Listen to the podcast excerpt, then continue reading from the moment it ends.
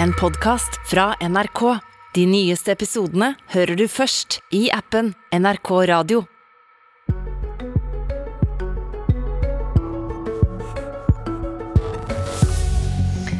Fylkene tilbyr gratis transport. Eh, Telenor gir ut gratis SIM-kort. Dyreparker og lekeland åpner dørene for ukrainske flyktninger. På asylmottak sitter flyktninger fra krig og elendighet i andre land. Tilbudene gjelder ikke for dem. Nå spør de ansatte på mottakene kan vi behandle flyktninger så forskjellig. Ja, I går i Politisk kvarter så lærte vi at eh, asylsøkere på norske asylmottak får 88 kroner dagen å leve for, hvilket knapt gir dem råd til å ta bussen til butikken. Nå i dag skal vi eh, følge opp med en litt annen sak, for det siste halvåret så har altså mange, både offentlige og private, stilt opp for å gi de mange ukrainske flyktningene som har kommet, et bedre liv. Tor Brekke, du er konsernsjef i Hero, som driver en lang rekke asylmottak. Jeg vet du ikke reagerer på at snille folk vil gjøre gode ting for ukrainere, men du reagerer på at ukrainere og andre asylsøkere forskjellsbehandles. Hvilke eksempler er det som tas opp av de ansatte hos dere? Ja, Det er jo veldig mange eksempler, egentlig. Ehm, jeg har snakka med mange ansatte hos oss som, ehm, som, står på å gjøre en innsats for å ta best mulig mot eh, de ukrainske flyktningene. Og så sier de at eh, det er et stort tema, eh, at det er vanskelig å drive god mottaksdrift når ordningen er blitt så forskjellig som det er nå. Det er ikke minst kollektivtransport viktig for flyktninger å kunne komme seg rundt og delta på aktiviteter. Det kan ukrainerne som har gratis bussbilletter, men de andre må vurdere veldig nøye og kritisk om de kan ta seg til et arrangement for eksempel, som de kanskje kunne hatt nytte av å delta på. Det er vanskelig. Også f.eks. et uh, mottak for enslige mindreårige som vi driver i Melhus kommune. Det, uh, der betaler mottaket selv bussbilletter for de andre. For man kan rett og slett ikke ha det sånn at uh, ukrainske ungdommer får ta gratis buss, og eritreiske ungdommer ikke kan gjøre det. Det er mange andre eksempler. og jeg synes særlig det er viktig å se på de tingene som går på rask bosetting. og innsatser for å få flyktningene i jobb, som er jo enormt viktig for alle individene som det gjelder, og for samfunnet i et større perspektiv. Er det noen forskjell på det enkeltpersoner og f.eks. Telenor eller Dyreparken i Kristiansand gjør, og det norske myndigheter gjør?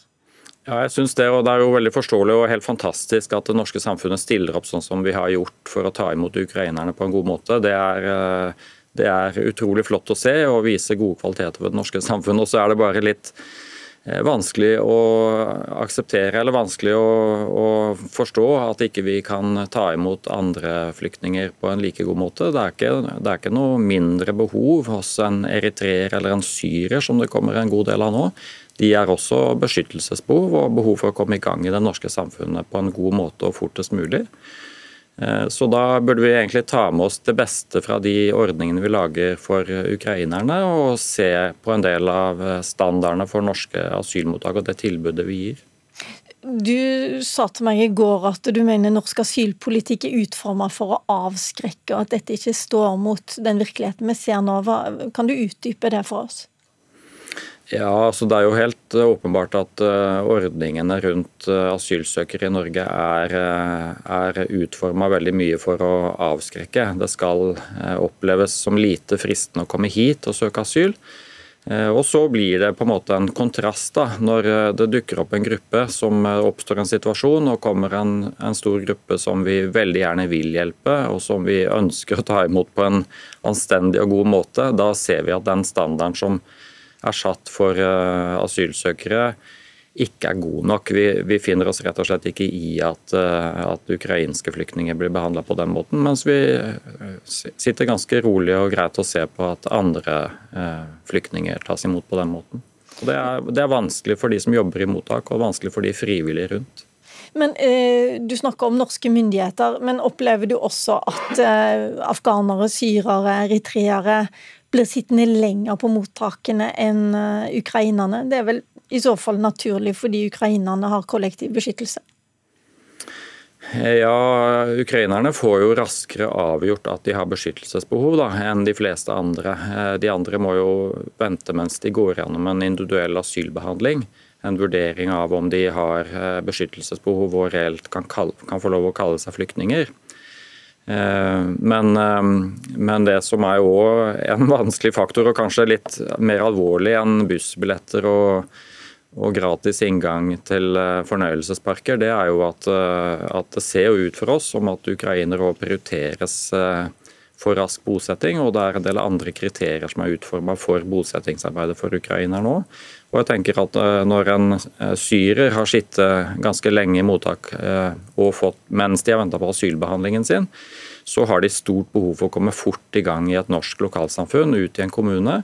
Og, Hvis da eh, de prioriteres seinere i køen enn en ukrainere som kommer, så er det veldig uheldig for de det gjelder. Og det kan få negative konsekvenser for det norske samfunnet òg, som, som, ikke raskt nok får i gang integrasjonsprosessene for, eh, for en syrer, f.eks.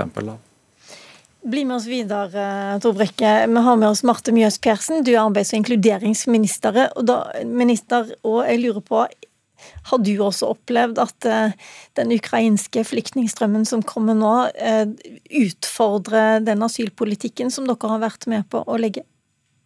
Det gjør den jo. Og det er jo fordi at det er en massefluktsituasjon der det kommer veldig mange flyktninger på én gang. Jeg har lyst til å være veldig tydelig på at uh, vi forskjellsbehandler ikke folk basert på hvilket land som de flykter fra, men det er eh, forskjeller. Eh, ukrainerne er kommet hit på midlertidig kollektiv beskyttelse. Det betyr at de i utgangspunktet skal være her kun midlertidig. Eh, ett år av gangen er det som er gitt. Mens andre flyktninger, de skal være her. De får permanent opphold, og dermed så gir vi midlertidig kollektiv beskyttelse uten asylintervju og uten individuell vurdering vurdering eh, av beskyttelsesbehovet, og det gir jo en rask behandling av sakene, slik som det er satt her, da. Og det var vel ikke det Tor Brekke reagerte på? Det han reagerte på, var at det virka som om kommunene er mer ivrig til å ta imot ukrainere ja. enn andre flyktninger. Eh, og det har ikke jeg noen eh, empiri på at det er riktig. Men eh, kommunene de har altså i år vedtatt at de kan bosette over 35 000 flyktninger. Det inkluderer alle flyktninger. Og totalt så har eh, vi bosatt 23 000 flyktninger i Norge. Bare i sommerferien ble det bosatt 5500 flyktninger, som er langt flere enn det det normalt sett gjør. Og kommunene har stilt opp på en helt unik måte. Og når det gjelder Og da kan du forstå at de plukker de flyktningene flyktningen de har lyst til å ha? Det er ikke slik det fungerer. fordi at Når IMDi søker ut flyktninger eh, som er klar for bosetting, uavhengig av langbakgrunn, så er det en dialog mellom IMDi og kommunene. IMDi er Integrerings- og mangfoldsdirektoratet? Det stemmer. IMDi er Integrerings- og mangfoldsdirektoratet, og det er de som eh, konkret da jobber med kommunene for å, å, bosette flyktningene. Og Når de da søker ut en familie f.eks. For, eksempel, for eh, bosetting i en kommune, så er det en dialog med kommunene kan vi klare å legge til rette for denne familien. Med tanke på bolig, skole, alt det som skal være rundt. Kanskje er det spesielle behov som skal dekkes. Eh, og bosettingen i Norge den er frivillig. Og det er en av suksesshistoriene til norsk integreringshistorie. Det er det at eh, vi har en frivillig bosetting og en spredt bosetting over hele landet vårt, der alle bidrar i den integreringsdugnaden. Jeg skjønner det, men det som er poenget nå, er er det rimelig at en kommune sier nei, ukrainere de kan vi ta, de er lette å integrere, men eh, afghanere de får være et annet sted? Jeg har ikke noen indikasjoner på at, at, det, eh, skjer. at det skjer nå. Eh, eh, også de som har vært klar for bosetting fra andre land enn Ukraina, blir nå bosatt rundt i norske eh, kommuner. Ok, Jeg har heller ikke noe tall på akkurat det, så derfor bare påstand står mot påstand i så fall. Men jeg lurer på en annen ting. Er det rimelig at en ukrainer kan vise passet sitt på trikken i Oslo, og så komme gratis på, mens en afghaner som har fått opphold i landet, ikke kan gjøre det? Ja, og da vil jeg bare igjen understreke at eh, vi forskjellsbehandler ikke folk basert på hvilket eh, land de kommer fra. Ikke dette forskjellsbehandling? jo, eh, og regjeringen legger ikke opp til dette her, og dette er jo lokale initiativ. Og jeg må bare si at jeg på den ene siden Men den sånn diskusjonen foregår nå i masse akkurat, fylker? Akkurat sånn som jeg hører eh, lederen for her og her si, så har jeg veldig stor forståelse for eh, at lokalbefolkning, lokalpolitikere, lokale bedrifter og selskaper ønsker å være med på en inkluderingsdugnad når vi ser den situasjonen som er i Ukraina, som da veldig mange flykter fra nå. Eh, men min oppfordring til det vil jo være å ikke forskjellsbehandle basert på, på hvor man kommer fra. Men utgangspunktet her har ikke jeg lyst til å liksom være veldig kritisk til, fordi at jeg opplever at det er en solidaritetshandling. At man ønsker å gjøre noe for de som nå kommer, og veldig mange barn. Og man ser at det å komme raskt i gang. Men oppfordringen okay, nå... min må være ikke forskjellsbehandle. Dette vil like mye gjelde alle de andre som bor på mottak, og der er jeg helt enig med styrelederen i Hero. Erlend Wiborg, du er innvandringspolitisk og inkluderingspolitisk talsperson for Frp. Eh, Syns du det er greit å forskjellsbehandle? For det første er det en forskjell her. Eh, for eh, her snakker vi om en gruppe flyktninger som kommer fra våre nærområder. Og Fremskrittspartiet har jo i alle år sagt at flyktninger hjelpes best i sine nærområder. Det er der de har best forutsetninger for å klare seg. Og det har du sagt i alle år. Og så lurer jeg på, betyr det at det er greit at noen flyktninger får gratis buss, andre får det ikke? Ja, Fremskrittspartiet vi mener i utgangspunktet at det bør være eh, likebehandling. Det er jo derfor også Fremskrittspartiet har f.eks. vært imot mange av de særfordelene flyktninger har hatt gjennom mange år, både når det gjelder pensjoner, trygder osv. osv. Vi mener vi, vi bør ha like eh, regler. Men det dette handler om, det er at en ukrainer er, eh, har helt andre behov og forutsetninger for å klare seg i det norske samfunnet enn f.eks. om du kommer fra landsbygda i eh, Somalia.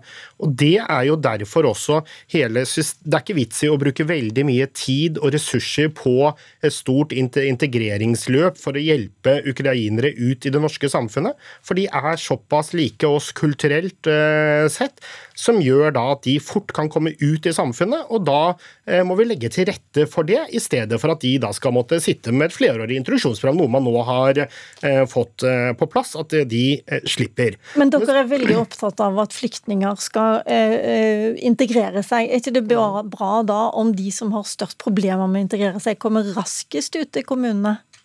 Jo, vi mener at vi må ha en raskest mulig bosetting. Men det som er noe av kritikken som Hero her kommer med, det er at det norske samfunnet nå faktisk har stilt opp for ukrainerne. Og det syns jeg er en feil eh, kritikk å komme med. Vi burde være glad for at det norske samfunnet nå virkelig har stilt opp for å hjelpe nå flyktninger i våre nærområder. Eh, og det er jo mye bedre at vi gjør det, og så skal vi hjelpe flyktninger andre steder i verden også, men da primært i deres eh, nærområder. Tor Brekke, jeg tror nesten du må få svare på deg. Er det litt sånn at eh, det er bedre at eh, ingen får, enn at noen får? Nei, men det er jo helt Vi har jo aldri kritisert den innsatsen som norske samfunnet gjør for å ta imot ukrainere. Den syns vi er fantastisk. Vi, vi tar del i den innsatsen sjøl, så det er ingen som kritiserer den. Eh, men jeg synes eh, det er viktig å få frem at det er jo helt åpenbart behov for å se på ordningene som tilbys for norske asylsøkere generelt. Bl.a. pengesatsene de er åpenbart for lave, så som prisene, matvareprisene og alt utvikler seg nå. Og jeg synes det er en veldig god idé. og, og For en del år siden når de satsene ble satt ned med 20% så var et av argumentene fra Frp i justisministerrollen da at eh, det var asylsøkere som sendte penger hjem. La oss heller, eh, la oss heller eh, gi alle gratis kollektivtransport. da. For da kan de reise rundt og delta på arrangementer og tilbud som gjør at de kan komme fortere i gang, bli kjent med nordmenn, lære det norske språk og bidra. Det er et godt bidrag til integreringsprosessen. Ok, Wiborg, Angrer du på at Frp og den borgerlige regjeringen fikk ned asylsatsene såpass mye, nå når du ser hva ukrainere også må klare seg på? De får også bare 88 kroner. Nei, på ingen som helst måte. For Fremskrittspartiet er klare på at Norge kan ikke ha mer attraktive ordninger enn våre naboland. For det som da skjer, at vi kommer tilbake til situasjonen da Norge får veldig mange velferdsmigranter, som da tar opp plassene, som gjør at ikke vi nå kan få hjulpet da reelle flyktninger. Og ukrainerne er reelle krigsflyktninger. Det var et og da er det bedre å hjelpe svar. de enn velferdsmigranter. Klart svar, Wiborg. Jeg må spørre deg også, Mjøs Persen. Kan du se på satsene, eller som Brekke foreslår, eh, mer til kollektivtransport for alle? Når det gjelder kollektivtransporten, så er jo det fylkene som, eh, som bestemmer. Og jeg vet at mange fylkesordførere ser på disse ordningene i, mens vi, vi, sitter her. Men jeg har lyst til å gå helt tilbake igjen til begynnelsen. Vi har ti sekunder igjen av sendinga. Ja, og da mener jeg at det er viktig at vi nå lærer av denne krisen for å se hvordan vi kan bedre ta imot også flyktninger i fremtiden. Tusen takk, Marte Mjøs Persen. Takk, Ellen Wiborg. Takk til deg, Tor Brekke. Mitt navn Lilla Sølhusvik. En podkast fra NRK. De nyeste episodene hører du først i appen NRK Radio.